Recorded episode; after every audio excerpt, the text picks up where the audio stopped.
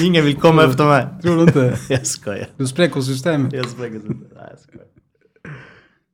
Det känns som att jag ska kommentera en match. Vi satt med sån här. Hur är läget? Det är bra tack. Mattias, jag tänkte vi ska börja med eh, landslaget. Dina tankar kring landslaget. Landslaget åkte ut redan i gruppspelet under EM i somras. Varför? Oj. Ja, jag vet inte, det är säkert många, många orsaker. Jag, de kom inte alls upp i nivå. Jag tyckte inte de hade någon röd linje i deras spel. Um, jag, det var inte mycket som funkar. Uh, när Zlatan inte fungerar, då, då fungerar inte övriga laget heller. Då faller spelet. Ja, och jag tycker det är synd att det är så. Jag tycker det är synd att, att ett helt spel, en hel nation ska, ska stå och falla på en spelares prestationer. Um, och framförallt i laget ser man det så himla, himla tydligt också att... Uh, jag vet inte riktigt. Det, det kändes inte harmoniskt på något sätt. Du var där egentligen på plats och kände på atmosfären och så. Jag följde laget... Uh, Du följde laget nära, tätt inpå. tätt inpå. Deras, jag var deras skugga i Frankrike. Och uh, jag vet inte riktigt. Det som, eh, jag vet inte jag, jag, jag, är inte, jag var inte imponerad på hur det såg ut. Eh, jag tyckte man kunde kräma ur otroligt mycket mer ur varje spelare. Vi, vi har tydliga exempel eh, på lag som är beroende av en stor stjärna. Jag tänker på Wales med Gareth Bale. Jag tänker på Island. Med, med få stjärnor som ändå agerar som ett lag. Och där tycker jag Sverige fallerade helt. Sverige hade kunnat agera som Island, men gjorde det inte. Har vi alltså spelarmaterialet för att kriga på toppen? Eller kräver vi fansen för mycket? Ja, men har Island eh, spelarmaterial och nå dit? Ja men de, Ja. de slog ut England och Ja. tog sig en bra bit in i... Jag vet inte. Jag tror att eh, laginsatser kan slå individuella prestationer. Det, det är jag helt övertygad om. Det, så har det funkat under hela min karriär. Vi har alltid haft framgång när laget har fungerat. Ehm, och det är saker jag bär med mig också i, i min nuvarande roll. Att försök bygga ett lag efter karaktärer. Självklart ska det finnas en viss kvalitet. Men jag tar hellre in en bra karaktär som är lite sämre än, eh, än en annan spelare med sämre karaktär som är lite bättre. Så kan man säga. Är, alltså, är klivet så stort från U21 till seniorspel? Vi ser U21 hur framgångsrika, framgångsrika de har varit. Mm. Är det så stort steg till, till seniorspel? Det är ett stort steg. Det är ett stort steg. Tempot är högre. Eh, närkamperna smäller hårdare. Och eh, det krävs en högre kvalitet. eh, på alla delar egentligen. Men, eh, men jag tycker ändå u killarna jag tyckte de kom in bra i det ändå. De gjorde, man kan inte begära mer av u killarna i, i EM. Vi snackar Gudetti, eh, Victor Lindelöf Nilsson. Eh, Augustinsson och hela det, hela det gänget. Så att jag tyckte de gjorde, gjorde vad de skulle. Det, det är inte det det står och faller på. Det, det är hela laget som jag tycker inte... De blir alldeles för beroende av en spelare. Och där tycker jag det blir fel. Det, det kan inte vara att spelare ska få ta egna initiativ. Spelare ska inte vara rädda för att göra någonting, någonting eget. Och det är också en ledarfråga tycker jag. Där måste man ha en stark ledare vid sidan av. Man kan inte ha en spelare som är större än, än både ledare, förbund och allting. Det blir fel i, i maskineriet. Du är ett eh, landslag utan Zlatan. Eh, Bra eller dålig? Både bra och dåligt. Ehm, dåligt för att man tappar en av absolut världens bästa fotbollsspelare. Ehm, man tappar en dragningskraft, man tappar en förebild. Man tappar allt som Zlatan innebär. Ehm, så på så sätt tappar man eh, såklart en, en stor dimension. För säga vad man vill, när han är ehm, på sitt bästa humör så tillhör han väldigt, väldigt mycket för, för ett landslag. Um, å andra sidan, det negativa är det jag var inne på innan. Han gör så att andra kanske går ner några procent. Att de inte riktigt vågar. Att de tittar på honom som första alternativ när man kanske har ett annat bättre alternativ. Um, men det, det ser jag som det är naturliga grejer. Så är, Mattias, alltså, jag, varför blir gruppen så passiv när man har en så stor auktoritet bland dem? Alltså? Varför blir gruppen så passiv? I det, just i det här fallet. Du, men, du menar i, i spelet? Och, I spelet, och, ja. Att Jag- man förlitar sig alldeles för mycket på en spelare. Om, om du lyssnar lite grann på Kim Källströms eh, sommarprat. Han sätter lite fingret på det. Ehm, man har en stor spelare, han styr landslaget. Ehm, han styr, jag vet inte, han är kanske inblandad i, som Kim säger, han kanske är till och med inblandad i spelaruttagningar. Man vet inte. Ehm, och det är klart att man vill vara bra med, med i det här fallet Zlatan. Man vill, man vill att det ska fungera, man vill ha honom i bra form. Man vill eh, tillfredsställa honom för att det är ju han som kan göra det lilla extra för landslaget, så är det bara. Det är inte, det är inte någonting att, att hymla om utan man måste få igång den största spelaren och man, man vill vara honom till lax. Det gäller förbundet, det gäller förbundskaptenen och det gäller också spelarna. Eh, och det är, svenska, svensken är lojal, svensken var, vill vara en, en lagspelare men när man, när man vill liksom att det ska vara för bra eh, och, och, och, och att eh, alla ska ja, du ska passa in liksom. Då, då kan det bli fel. Ehm, och när man inte vågar ta e- egna initiativ för att man är rädd att oj, det här blir kanske fel. Då, då funkar det inte. Så kan man Då blir man handlingsförlamad istället. Ja, men det är också en ledarfråga utifrån. Det måste komma starka direktiv och säga, vet du vad? Även om Zlatan blänger på dig ska du våga göra din grej. Ja. Även om han kallar på bollen, han behöver inte ha bollen varje gång. Ehm, så att han går ner i backlinjen och hämtar bollen. Han ska inte ha bollen där, men han får bollen ändå. Alltså, du förstår, du förstår hur jag tänker. Alltså, det, alltså, Så funkar det. Hans roll funkar i klubblaget. Där, alltså, där klarar lagspelarna alltså hantera Zlatan på ett bättre sätt kan, om du jämför med landslaget. Ja, där har han en annan ledare. Och där har han också en annan, eh, en högre kvalitet på spelarna. Eh, han kanske inte säger till Rooney vad han ska göra. För att Rooney och, och övriga spelare, de är redan färdiga, stora produkter. Han kanske inte ska säga till Cavani hur han ska göra, utan han gör som han själv vill. Och, och, eh, men när man känner att man kan styra och när man vet vilken position man har i ett lag, vilken position han har satt sig i Sveriges landslag, då, då blir det lätt så här. Även om man inte alltid vill det. Då kommer vi in på Janne Andersson, ny tränare i landslaget. Eh, vad tror du han kan tillföra på ett längre sikt? Um, framförallt så kommer han in på ett... eh, han kommer in som en eh, helt ny röst, ny energi. Han kommer in med, med nya tankar. Han eh, vet vilka spelare han ska arbeta med nu. Nu har Kim, Isak, Erik Johansson, Zlatan tackat nej. Um, så att eh, han behöver inte deala med, med de spelarna. Som annars har varit starka karaktärer i, i ett eh, landslag. Utan han får plocka och välja exakt som han vill utan att bli, bli påverkad av någon. Sen, Ehm, jag gillar det han har gjort med Norrköping. Han har lite mindre resurser men han har trott på en idé. Han har fått alla förstå hur han, eh, hur han vill spela fotboll. Och jag känner lite grann vid sidan av. Han är sympatisk, eh, varm människa. Ehm, och eh, jag gillar hur han tänker. Jag gillar hur han, hela det här lagbygget, hur han vill att alla ska ha sina roller. Hur han vill att folk ska vara proffsiga. Han kräver av spelarna. Ehm, och sen tycker är lite charmigt också att han, inte, att han är prestigelös. Han kommer in som ledare men vad gör det, för, det första han gör är att ta in eh, Lagerbäck. Eh, det är också en signal på att vet du vad, jag är inte fullärd. Jag är här, jag har aldrig gjort detta, jag vill ta hjälp. Eh, den hjälp jag kan Tycker ta. du det är en bra sak eller dålig sak att han har ta- tagit in Lagerbäck?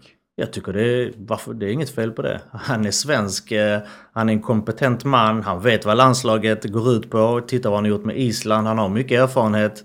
Så att eh, få influenser av honom, få hans tankar. Självklart är det en som ska ta besluten. Det är Jan Andersson. Men att ta in folk bredvid som kan hjälpa honom med, med input från olika håll och kanter som gör hans jobb bättre, det ser jag inte som en nackdel. För mig känns det som att han är, alltså, han har lite mer cojones än våra tri- tidigare tränare. Alltså lite mer, större auktoritet på så sätt när, när du lyssnar på honom när han pratar och så. Mm. Att eh, ja, han här, Men Men som spelare ja, kanske ja. man vill gärna lyssna på honom när han kommer med direktiv. Va? Det får tiden utvisa, men eh, vem vet hur han hade hanterat Zlatan? Ja. Det är en bra fråga. Mm. Vi har alla våra teorier om eh, varför det har gått så bra för Zlatan. Mm. Vad är din? Oj, min teori. Men äh, för, för det första en fantastisk fotbollstalang.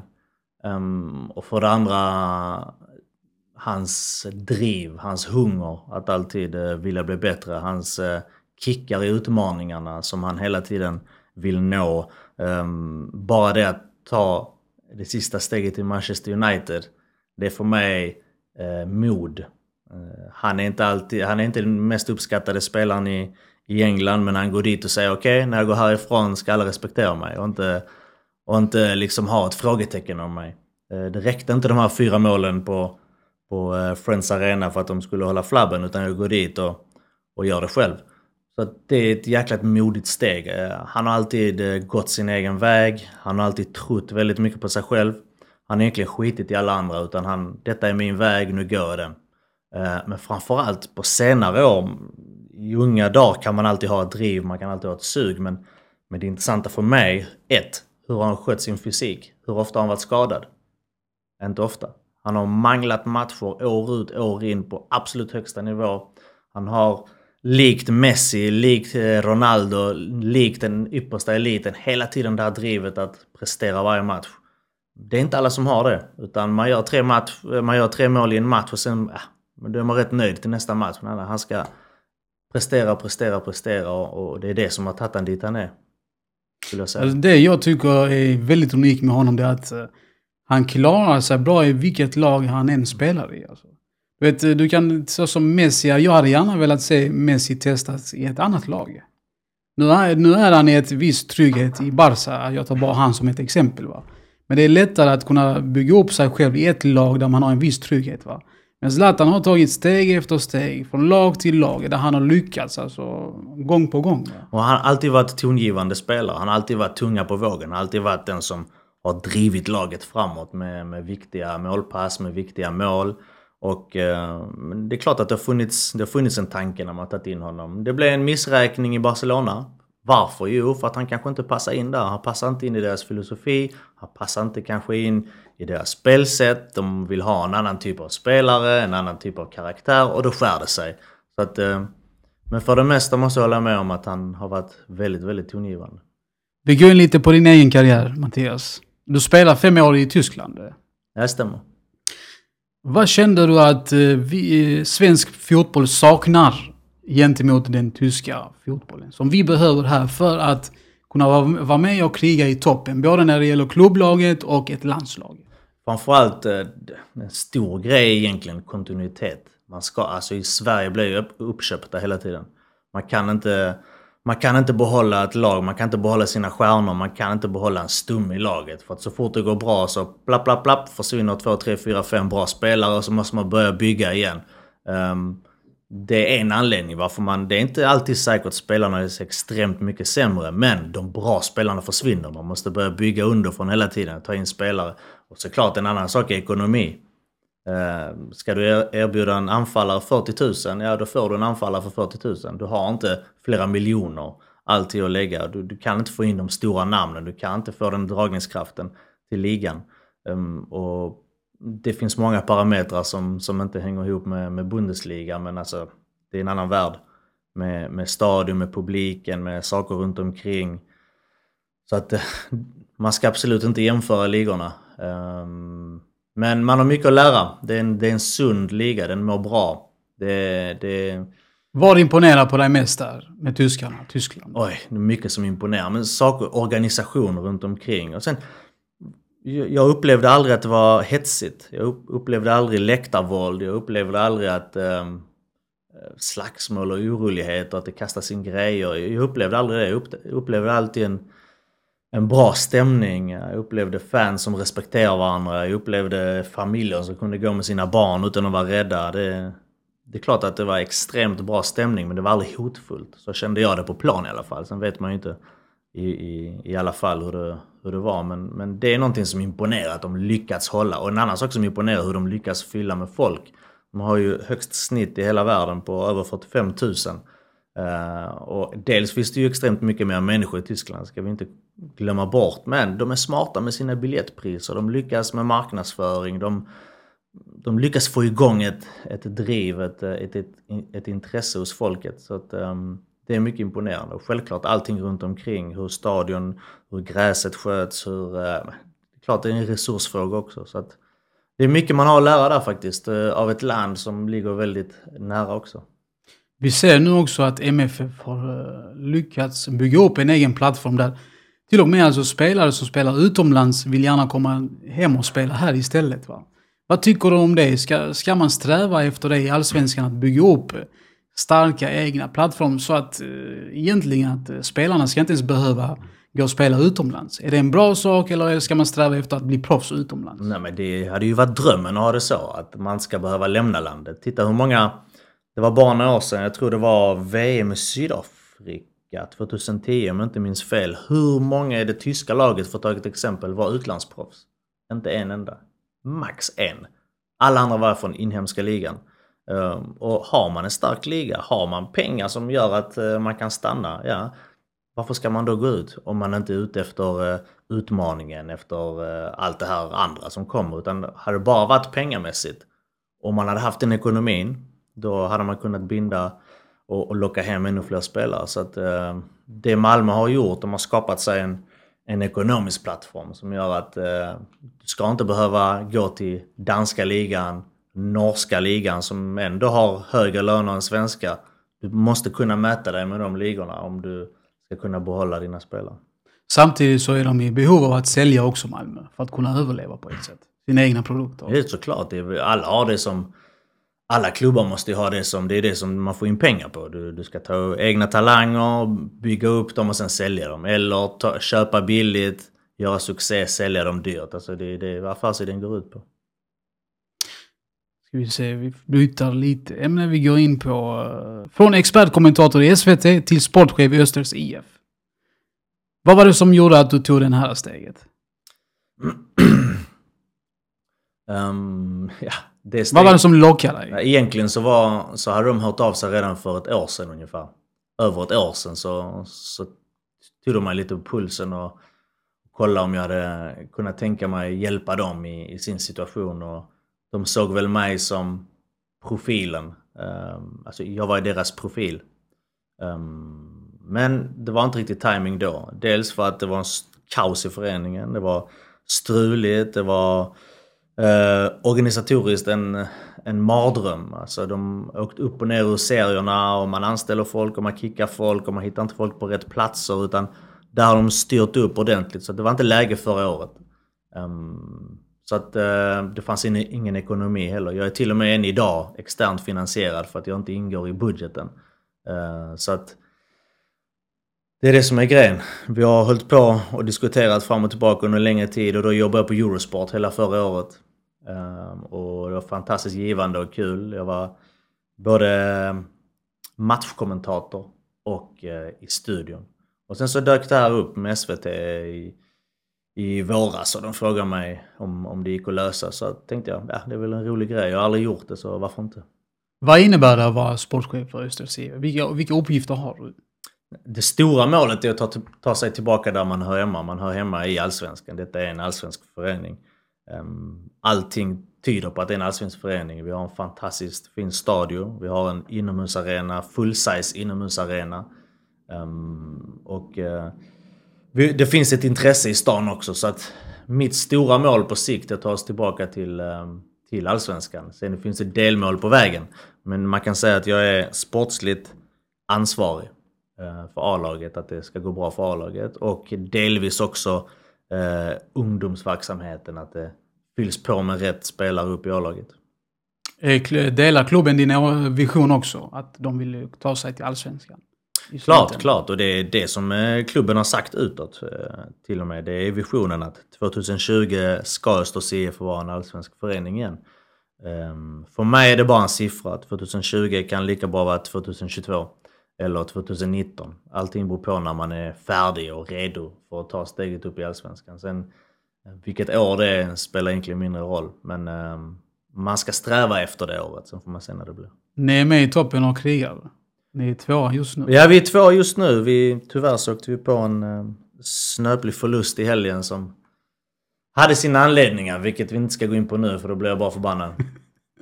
uh, men... Uh, Hur känns det annars, stämningen bland uh, klubblagen och spelarna och så? I vår klubb? Ja. Det är bra, det är, det, är, det är en positiv stämning. Hade det varit för ett år sedan som jag fått förklarat för mig så var både spelarna väldigt mentalt nerkörda. Vi ska tänka på att det finns många av de här spelarna som har gått upp och ner ur serierna. Och åka ner ur Allsvenskan är en smäll, men sen åka ur Superettan är ännu en smäll. Och, och varit med om den resan, är, det, det tar på krafter och det tar på självförtroende. Så att eh, det, vi hade ett par sargade gubbar i, i förra året som vi har fått fason på nu. Och nu, nu känns det som att truppen mår väldigt bra och eh, organisatoriskt bakom vad vi får ordning på det också. Så det känns positivt. Vad har du lärt dig av din nya roll som sportchef? Vad jag har lärt mig? Um, finns, jag är långt ifrån fullärd. Um, men uh, man har lärt sig noggrannhet. Uh, jag är en no ganska noggrann människa. Jag, jag gillar att ha saker och ting uh, klara för mig. Jag gillar att det sköts rätt. Jag gillar inte missa saker för att man eh, är glömsk eller för att man är virrig utan eh, sätt upp mål, följ dem, få med dig folk runt omkring, omge dig med rätt människor. Ehm, och det är också en utmaning. Jag kommer ju till ett dukat bord. Det här bordet har du att arbeta med. Den här tränaren har du, de här spelarna har du att arbeta med. Jag har inte fått påverka någonting hittills. Så att sitter jag här nästa år eller nästa år igen och pratar med dig så kan jag säkert berätta hur det har varit. Det är lite tidigt.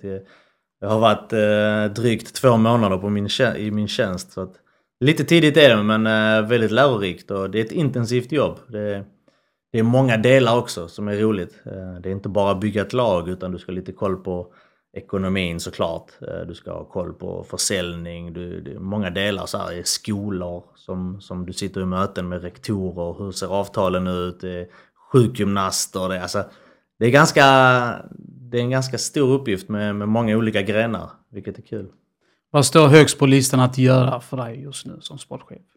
Just nu eh, är det ju såklart bygga någonting inför nästa år. Eh, skanna av truppen. Det är många kontrakt som går ut. Hur ska ledarsidan se ut om vi går upp i Superettan? Och hur kommer det se ut om vi inte går upp i Superettan? Allting kan hända. Vi måste ha två scenarier hela tiden att arbeta med.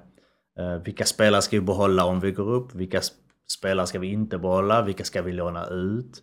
Hur, hur ska vi göra om i ungdomsverksamheten för att spetsa till den? Vilka underifrån ska vi ta upp? etc. etc. Så att eh, skanna av läget där tror jag blir väldigt viktigt. Och sen så såklart, min tid går också åt att kolla. Vad, jag har hållit till i Allsvenskan. Jag vet ingenting knappt om Superettan. Jag vet ännu mindre om Division 1. Jag kan inte nämna en spelare egentligen i två år. Jag har ingen aning. Så att se mycket matcher, äh, träffa folk, skanna av vad är det för nivå vi behöver för att ta nästa steg. Jag siktar mot toppen av Superettan. Det är min, min nästa målbild. Um, och jag måste ha spelare som jag tror på kan ta mig upp i Allsvenskan. Men första steget är Superettan. Jag vill inte ha spelare som jag tror klarar mig i Superettan. Jag vill ha spelare som jag tror kan ta mig till toppen av Superettan. Sen vägen till Allsvenskan också. Ja. Exakt. Mattias, jag brukar säga som så att det, det är inte alltid är målet som är det viktiga, utan vägen till målet är minst lika spännande. Berätta om din väg. Är detta här ett delmål för dig som sportchef? De närmaste fem åren, hur ser du dig själv jobba med fotbollen? Um, som jag sa innan så har jag gjort mycket. Jag har varit spelare, jag har kommenterat, jag har uh, varit i studio, jag har varit uh, uh, till och med provat på som agent ett tag. och alla de här bitarna har lärt mig saker. Dels hur jag själv fungerar. Vad duger jag till? Vad gillar jag bäst? Du, du får titta på dig själv. Vilka egenskaper har du? Duger du till detta? Det här kanske inte passar dig så bra men just den här rollen tror jag passar mig fantastiskt bra. Uh, att ha det här ansvaret för att jag är som jag är. Um, med mina egenskaper. Så att jag ser mig själv, uh, detta kan vara starten på, på ett eh, sportchefskarriär, absolut. Um, det är här man börjar, jag ser det som en fantastiskt bra förening att starta i. Och uh, jag hade inte gett mig in i detta det, om, det hade, om jag inte hade trott att jag löste det eller om jag inte hade trott att det fanns potential att göra något bra. Det hade jag aldrig gjort. Jag hade inte gjort det heller i en, i en, i en förening som, ja, en, en mindre förening som, som inte har någon betydelse utan jag tycker det är otroligt trevligt att vara i en, i en stor, större förening som, eh, som har en vision och vill någonting. Jag önskar dig lycka till och tack för att du kom. Tack.